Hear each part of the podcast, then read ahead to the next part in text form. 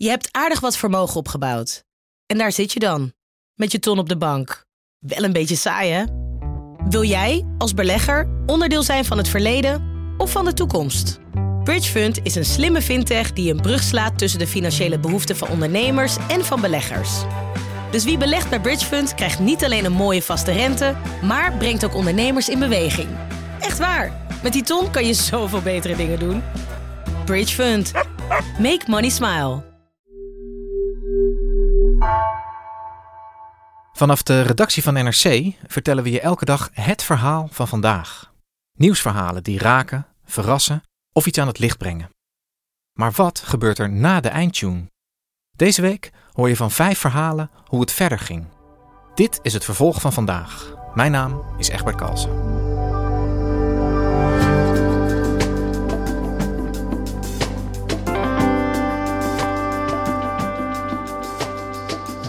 In februari wist iedere journalist het sterrenbos te vinden.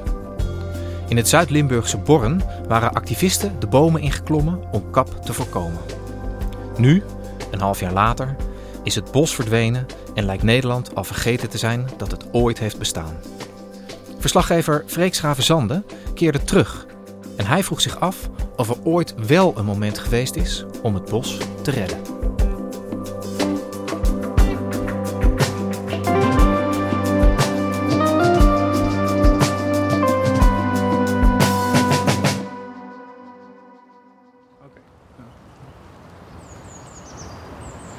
Zilveren lachje van de pimpelbos. Je ziet hem daar bovenin ook in, het, uh, in, die, uh, in die berg, uh, in die berg zitten. Daarboven. Ja, een tijdje geleden was ik in het Sterrenbos. Een bos bij Born, Limburg. Het is een, een oud bos. Het is meer dan 200 jaar oud. ooit aangeplant door een kasteelheer waarschijnlijk. Er staan heel veel uh, eiken, van die grote, kronkelige, monumentale eiken. Je had geen bankjes, geen wegen, uh, geen wandelpaden. Ja, er kwam eigenlijk ook bijna niemand. Dus de natuur had er ook vrij spel. Uh, er leefden heel veel broedvogels, 16 soorten. heel veel soorten vleermuizen. Ehm, reeën kwamen er regelmatig. een zwijn. er was één Dassenburgt. Was eigenlijk precies zoals je een bos voorstelt. Zoals je het in sprookjes zeg maar, uh, ziet met een uil en een... Uh, nou ja, dat, dat was het sterrenbos eigenlijk. Ik was daar samen met harppluimmakers. Het was één bodem bezaaid met uh, bosanemonen. Harppluimmakers, die woont in de buurt. Peenkruid. En hij liet al 40 jaar de hond uit in het sterrenbos. En René Jans was ook mee. Hij is de voorzitter van de Stichting Ecologisch Vleermuisonderzoek Nederland, CEVON. Hier zat een bosvleermuiskolonie, hè? daar zat er een. En verderdoor zat er uh, een boom was er bezet. En daar verderdoor een kolonie. En hij heeft zich ook ingezet voor het behoud van het sterrenbos. En in februari was ik er ook. En uh, ja, toen was het bos dagenlang in het nieuws omdat activisten uh, de kap van het bos wilden voorkomen. En um, ik, ik, ging met, met harppluimmakers nu terug naar het Sterrenbos om te kijken hoe het er nu bij ligt. En uh, voor hem was het ook de allereerste keer dat hij weer, uh, weer ging kijken hoe het, uh, hoe het ervoor stond.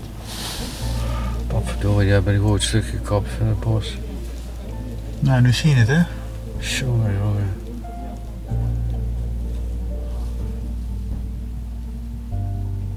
Ze hebben alle, alles aan gedaan om de kap te voorkomen. Maar wat ze merkten was eigenlijk vanaf het begin af aan dat ze geen schijn van kans hadden.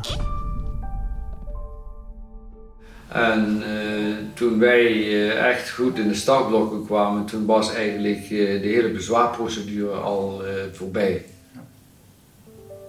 Dus dat wisten we achter het net.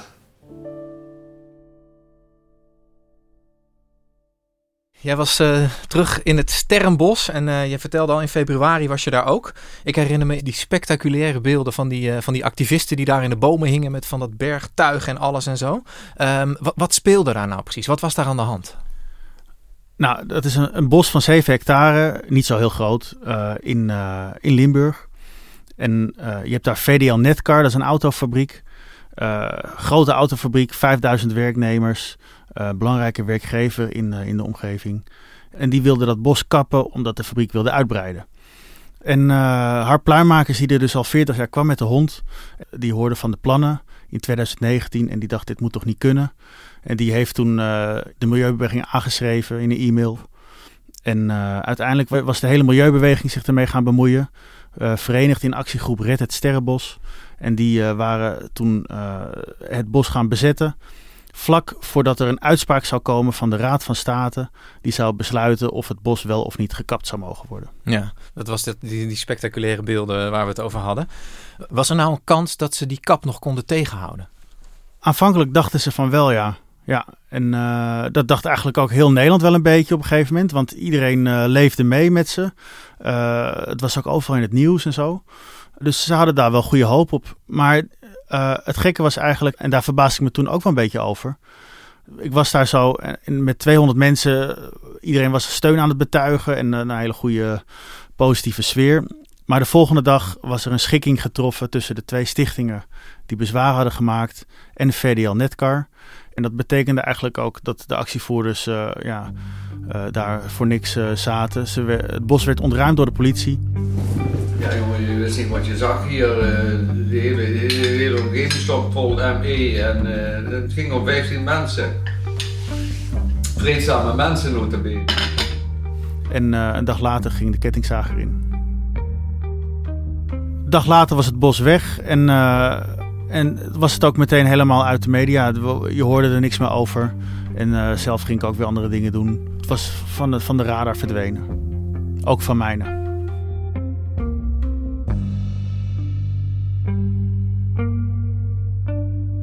Ja, nou, dat klinkt als een, als een afverhaal, hè? een punt, stuk in de krant. Maar waarom ben je dan nog teruggegaan? Nou, ik was daar. Het was een beetje een chaotische dag toen ik er was in februari. Het regende ook keihard. En uh, ik dacht al, ik ben niet helemaal goed georganiseerd hier.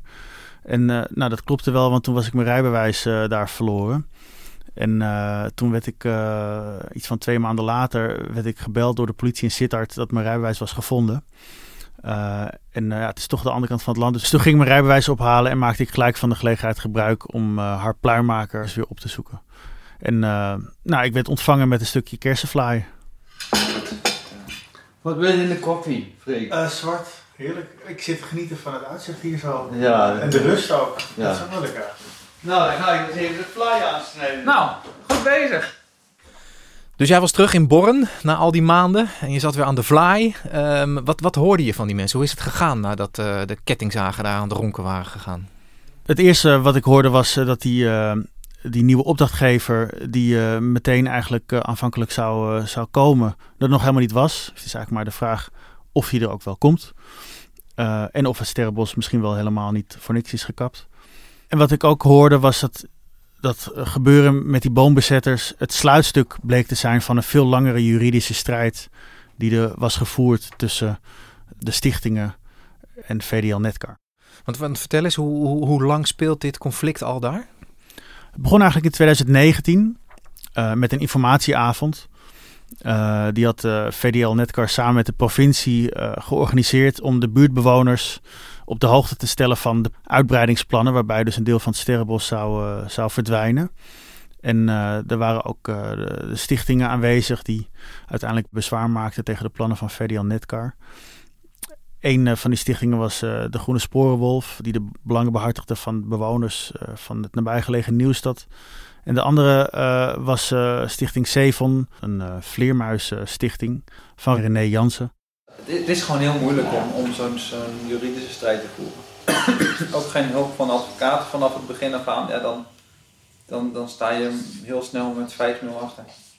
Want hoe het dan ook vaker gaat, is dat uh, in dit geval ook uh, tweemaal mochten ze bezwaar maken. Tweemaal gebeurde dat precies voor de, voor de zomervakantie mochten ze de plannen inzien. Dus uh, zo eind juni. Dat soort trucs worden vaker toegepast. Want dan heb je zes weken volgens mij om bezwaar te maken. Dan heb je zes weken om te bezwaar te maken. Net als je als je, je vakantie in uh, Marbella ja. hebt gepland. Uh, nou ja, dus dan ga je altijd al die, al die stukken doorlezen. Nou, je snapt er geen hout van. Want in het geval van Sterrenbos heb je te maken met de natuurwet, met de monumentenwet, de omgevingswet, de stikstofwet. Plus dat je ook nog de Europese regelgeving uh, moet kennen.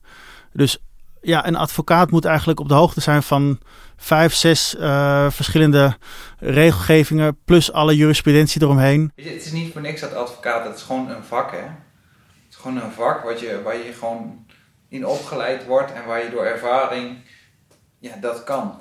En het is, ja, dus, uh... als je dat juridisch goed wil doen, dat is een dagtaak. Maar zij liepen dus ook tegen een juridische muur op van al die advocaten. Um, VDL Netcar had Houthof ingeschakeld. Uh, advocaten die ook uh, de Russische staat hebben vertegenwoordigd in Nederland. En de provincie had uh, advocaten van N4 advocaten ingeschakeld. Ook een Zuidasse bureau. super bekend in Nederland voor een specialist in de omgevingswetgeving. Er kwam een peloton van, van 25 adviseurs, advocaten Letterlijk 25 jaar was dat echt. Uh... Nou, misschien wel 30. Echt? Ik heb er nog wel een foto van. Ja, daar, daar is heel moeilijk uh, iets tegen in te brengen natuurlijk. Zeker als je amper geld hebt om een advocaat te betalen. Dus jij moet als advocaat van die twee stichtingen moet je al die wetgeving doorploegen. En tegenover je vind je dan een, een, een VDL, een autobouwer en een provincie. Die eigenlijk maar op één doel sturen, namelijk dit moet gebeuren. Ja, want die hebben daar al, al, al tien jaar op aangestuurd voordat überhaupt andere mensen op de hoogte waren van de plannen, hebben ze dat al helemaal kunnen bekijken van hoe, uh, hoe gaan we hier ons doel bereiken. Ja, dus, dus dit lijkt uh, aan te sturen op een, uh, op een flinke clash in de rechtszaal met de, de, advocaat van de stichtingen versus de grote kantoren. Is het zover gekomen? Nee, zover is niet gekomen. Nee, dat hadden ze wel ook gedacht, maar uiteindelijk hebben ze eigen voor geld gekozen. Ze dachten, ja, dit gaan we never nooit niet winnen van dit leger aan advocaten en uh, laten we aansturen op een schikking. Dat betekent eigenlijk dat uh, René Jansen en uh, ook uh, de stichting De Groene Sporenwolf, allebei de bezwaarmakers, akkoord gingen met, met een afspraak die ze maakten met VDL voor natuurcompensatie en nog wat extra voorzieningen voor het, voor het naastgelegen Nieuwstad, zoals een geluidswal en nog een bruggetje. En ja, René Jansen, die uh, achteraf gezien, nu zegt hij ook wel van ja, had ik dat nou moeten doen? Ja, hij had het gevoel dat hij met zijn rug tegen de muur stond en dat hij eigenlijk geen keus meer had. Wij stonden slap. Uh, uh, stond niet sterk. Dan is het ja, dan is het kiezen uit twee kwaden, wordt het dan. hij voelt zich daar eigenlijk ook wel een beetje slecht over voelde voor mij ook wel een beetje als, als, uh, uh, als verlogening naar jullie toe om, om, om een handtekening bij het kruis te zetten om het in te trekken. Dat is, dat is zeker. Uh... Ja, ik kan me voorstellen. Goed, anderzijds ja, als je gewoon echt geen fiducie ziet in de uitkomst van, van de uitspraak. En het kan zelfs nog zijn dat die uitspraak slechter voor de natuur werd daarna. En haar pluimmakers, die sprak ik er ook over. En die zei van ja, had nou toch nog even gewacht met een schikking. Uh, wie weet uh, had de Raad van State toch wel bijvoorbeeld besloten van nou, weet je, uh, eerst maar eens een nieuwe opdrachtgever voor VDL Netcar krijgen en dan zien we wel weer verder. Ja, nu hebben ze geen nieuwe opdrachtgever en dus de vraag of die er komt, het borst ligt wel om. Um, dus die vindt het wel jammer eigenlijk dat de twee bezwaarmakers eieren voor hun geld hebben gekozen. Ja. Ja, daar ben ik wel teleurgesteld over.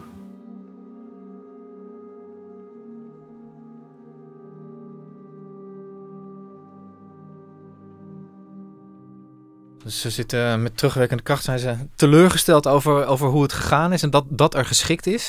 Het is natuurlijk maar de vraag of uh, het Sterrenbos het voor de Raad van State in een rechtszaak uiteindelijk wel gered zou hebben. Uh, maar het, alle, aan alles voel je ook bij, bij, bij Pluimakers en Jansen, was het een ongelijke strijd. Ja, dat is sowieso vaak het gevoel bij, uh, bij inspraak in Nederland. Er zijn plannen, daar mogen burgers zich, zes weken over buigen. En dan mogen ze een bezwaar indienen als ze het niet mee zijn. En, en dan mogen ze nog in beroep gaan als ze er dan nog alsnog niet mee zijn. En dat is het dan. Alleen je moet zo ontzettend uh, ja, thuis zijn in oneindig veel wetgeving. Je moet zo ontzettend veel documenten lezen. Uh, en berekeningen die vooraf al zijn gemaakt door allerlei adviesbureaus ingehuurd door uh, de opdrachtgever, de plannenmaker. Het is zo ingewikkeld geworden de afgelopen 10, 15 jaar. zeggen ook deskundigen.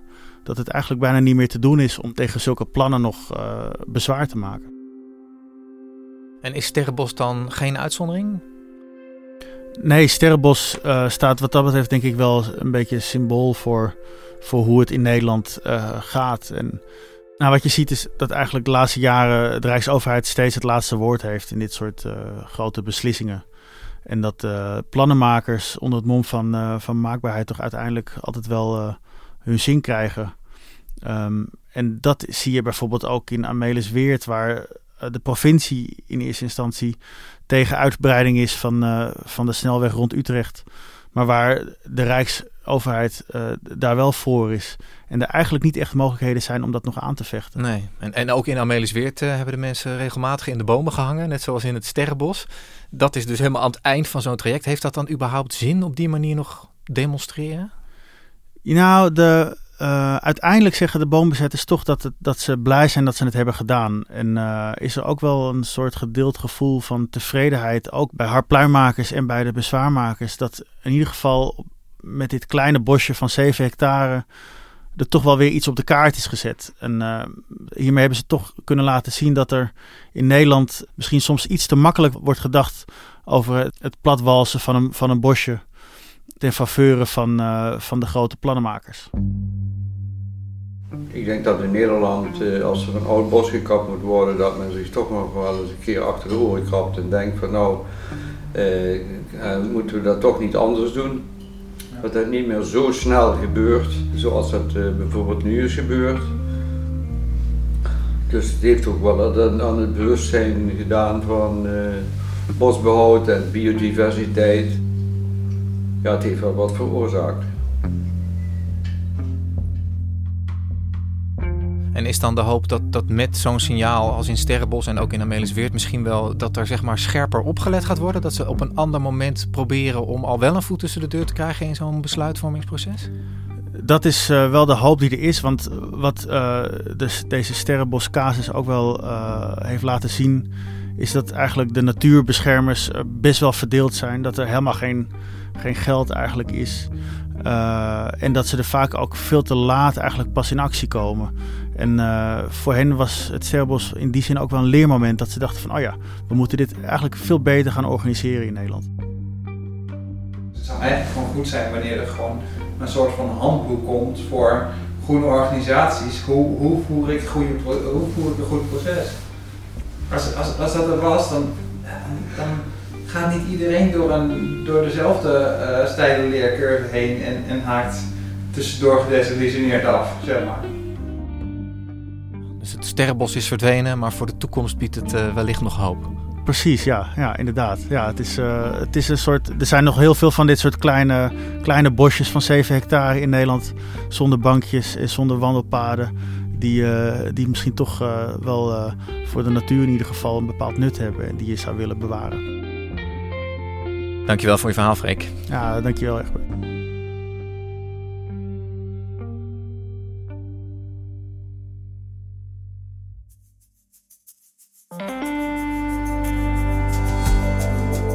Je luisterde naar vandaag, een podcast van NRC. Eén verhaal, elke dag. Deze aflevering werd gemaakt door Henk Ruigrok van de Werven en Stef Visjager. Dit was vandaag, maandag weer.